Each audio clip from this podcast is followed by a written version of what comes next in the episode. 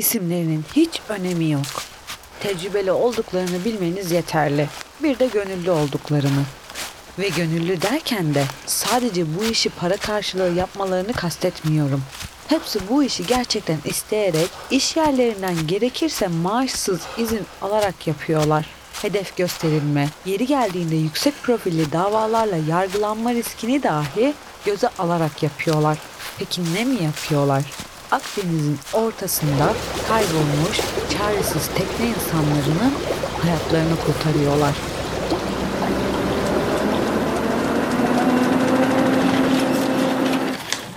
Aynab Beledi Podcast Bugün sizlerle uçsuz bucaksız okyanusu konuşacağız.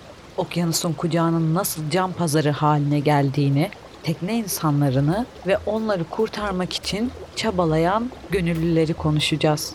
Enab Beledi ile yürüttüğümüz sınır etkisi programından sesimizi duyurabildiğimiz herkese merhabalar. Ben Kader.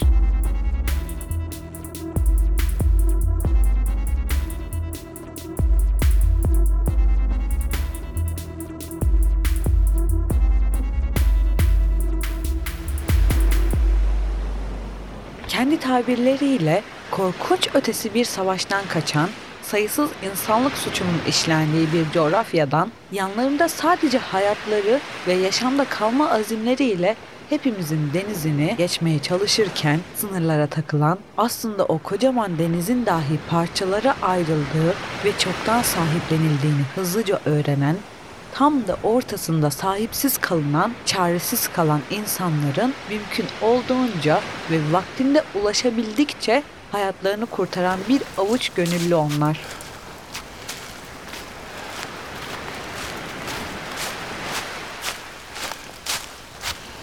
Başka bir açıdan bakmak isterseniz eğer, bir sokak sanatçısının dudak uçuklatan rakamlara sattığı sanat eserlerinden gelen para ile satın alınan ve gönüllerce restore edilen bir Fransız sahil devriye botu namı diğer Banksy'nin eseriyle süslenmiş yani 30,5 metrelik ve maksimum 120 kişi kapasiteli küçük, hızlı, manevra kabiliyeti yüksek bir bot. Bir avuç gönüllü birkaç kişilik kara desteğiyle günlerce Akdeniz'i tarıyorlar. Neden mi? dünyanın bir kara parçasında rahat edemeyip rahatsız edildikleri için başka bir kara parçasına geçmek durumunda kalan insanları kurtarmak için. Her şeyi göze alarak sadece hayatlarını ve umutlarını yanına alarak bir plastik bot üstünde hayatlarını kurtarmaya çalışan insanlar için. Tabi o kurtarılan hayatlar Avrupa'yı hayatlar yani sembolik olarak beyaz hayatlar olsa madalya alacak bu bir avuç insan kurtardıkları hayatlar Afrikalı, Orta Doğulu göçmen mültecilerin hayatları olunca yaptıkları bu işi adeta suçmuş gibi kaçak göçek yapıyorlar.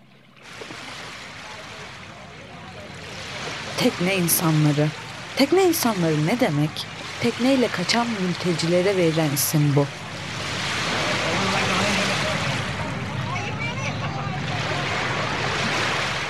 Terim başlangıçta 1975'te Güney Vietnam hükümetinin çökmesinin ardından ülkelerinden deniz yoluyla kaçan binlerce Vietnamlıyı ifade ediyordu.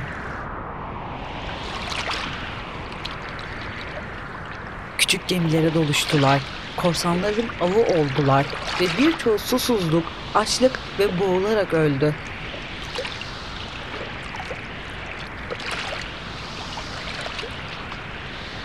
Bu terim daha sonra Küba ve Haiti'den tekneyle Amerika Birleşik Devletleri'ne ulaşmaya çalışan mülteci dalgalarına ve ayrıca Avustralya'ya sığınmak isteyen Afgan ve diğer mültecilere de uygulandı.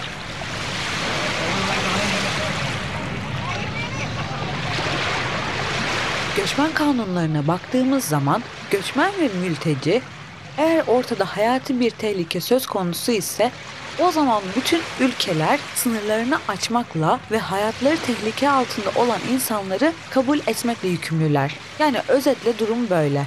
Tabii kim yapıyorsa bunu.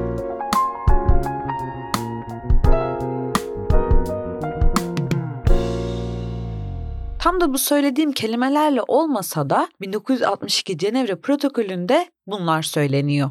Devam eden bir savaş söz konusu ve bu insanların güvenli bölgeye ulaşma çabalarına yardım etmek isteyen hiçbir ülke yok. Hiçbir ülke yükümlülüklerini yerine getirmedi. Bazı ülkeler bazı sebeplerden dolayı yerine getirdiler çünkü menfaatleri vardı ama onu da göstermelik veya o menfaatlerine ulaşana kadar veya insanlara gerçekten her bir insana değer vererek yapmadılar. E, bu insanların güvenli alana ulaşma çabalarında sadece Cenevre Konvansiyonu değil, aynı zamanda uluslararası denizcilik kanunları da onlara destek oluyor olmalı. Özellikle deniz üzerinde ve kurtarılmaları gereken bir durumda oldukları zaman. Ama gelin görün ki bu iş gerçekten nasıl ilerliyor bir avuç insanın onları kurtarma isteği bile kaçak göçek yapılıyor ve onlara da davalar açılıyor. Ülkelerin el koyması gereken olaylara müdahale etmediğinde, görmezden geldiğinde bir grup vicdanı olan insan ona müdahale etmek istediğinde bile suçlu oluyor.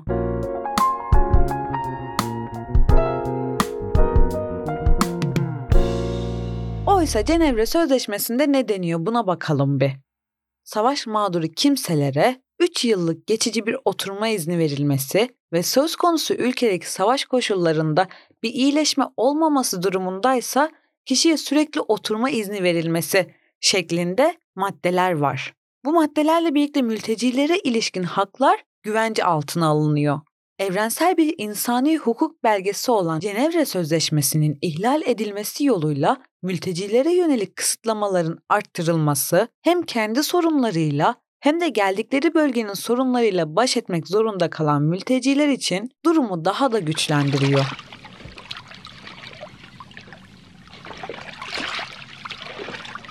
Evet tekne insanları. Bu insanların her birinin hikayeleri o kadar farklı ki ve inanın hiçbir de bunu hayal etmemişti. Plastik bir botun üzerinde, ucu bucağı görünmeyen bir suyun üzerinde yolculuğa çıkma hayali. Kim bunu hayal edebilir ki?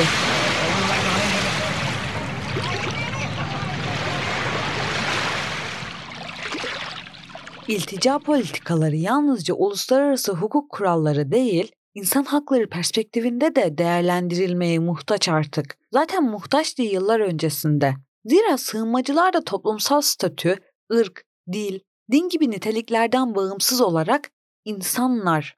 Sadece insan.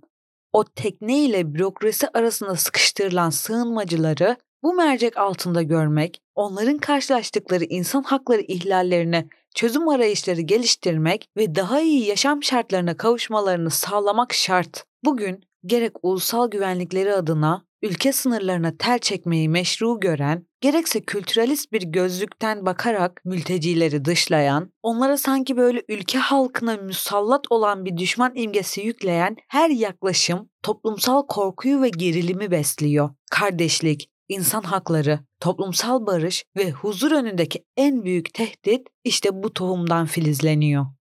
Sınır etkisini dinlediniz. Bizi nereden, hangi zaman diliminde dinliyorsanız hepinize günaydın, iyi günler, iyi akşamlar ve iyi geceler diliyorum.